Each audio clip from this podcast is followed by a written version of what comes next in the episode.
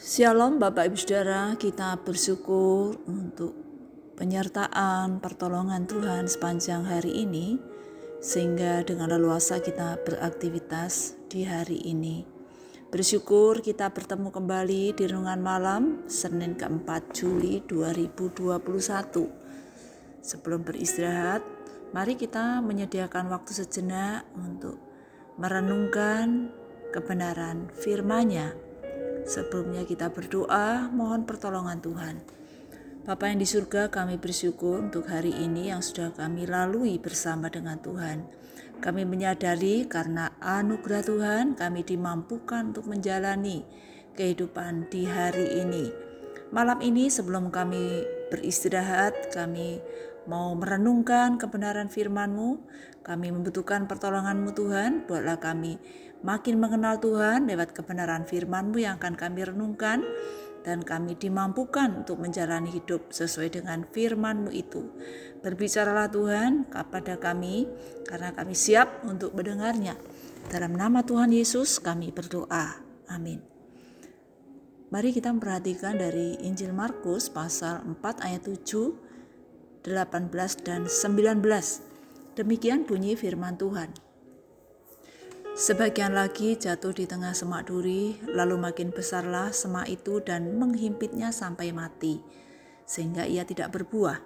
Dan yang lain ialah yang ditaburkan di tengah semak duri, itulah yang mendengar firman itu, lalu kekhawatiran dunia ini dan tipu daya kekayaan dan keinginan-keinginan akan hal yang lain, masuklah menghimpit firman itu sehingga tidak berbuah. Benih yang jatuh di semak duri atau tanah yang berduri itu tidak berbuah. Hal ini disebabkan karena dihimpit oleh semak duri yang bertumbuh makin besar, menghalangi benih itu untuk bertumbuh, dan pada akhirnya menyebabkan benih tersebut mati. Benih yang jatuh di semak duri merupakan gambaran orang-orang percaya yang sudah mendengarkan firman Tuhan, tetapi mereka khawatir mengenai hidupnya. Memikirkan kesulitan-kesulitan bagaimana supaya menjadi orang kaya, dan banyak keinginan-keinginan yang menyebabkan firman Tuhan itu tidak bertumbuh. Siapa pun manusia pernah khawatir apakah itu dalam hal pekerjaan, keamanan, kesehatan, masa depan, ataupun yang lain.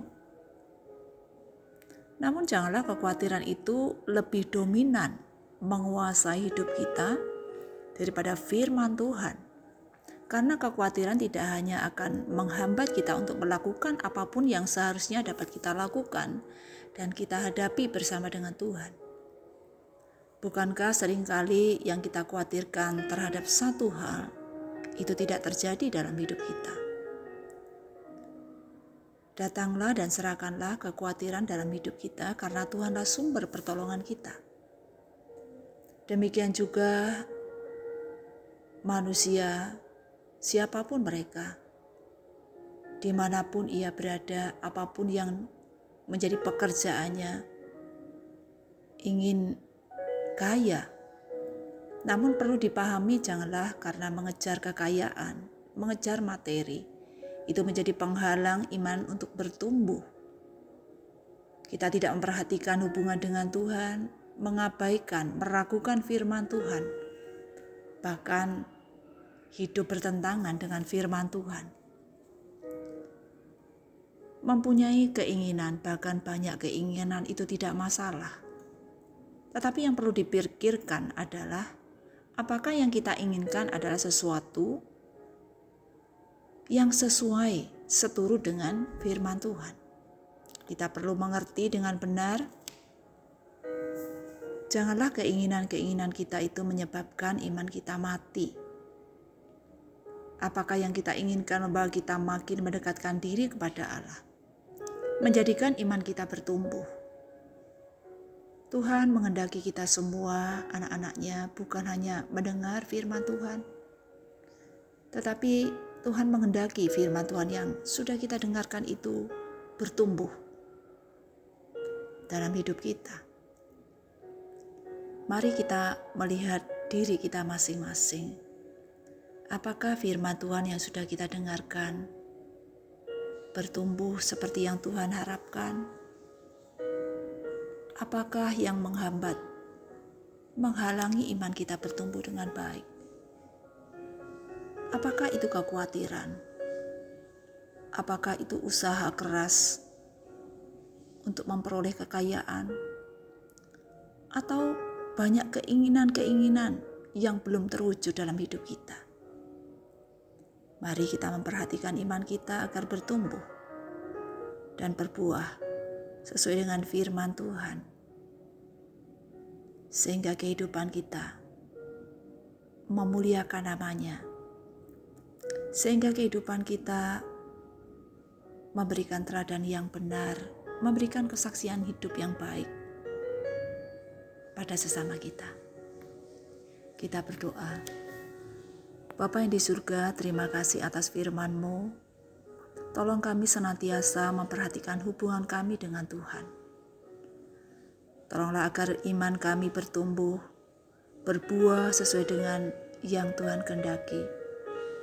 Jangan biarkan kekhawatiran, keinginan kami, kerja keras kami, dan sebagainya menghalangi pertumbuhan iman kami.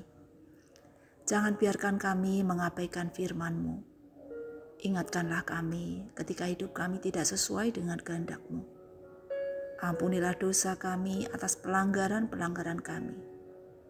Melalui pikiran, perkataan, ataupun perbuatan kami yang tidak mencerminkan sebagai anak-anak Tuhan yang telah Engkau kasihi. Bapa kami yang di surga, kepadamu kami menyerahkan hidup kami sepenuhnya.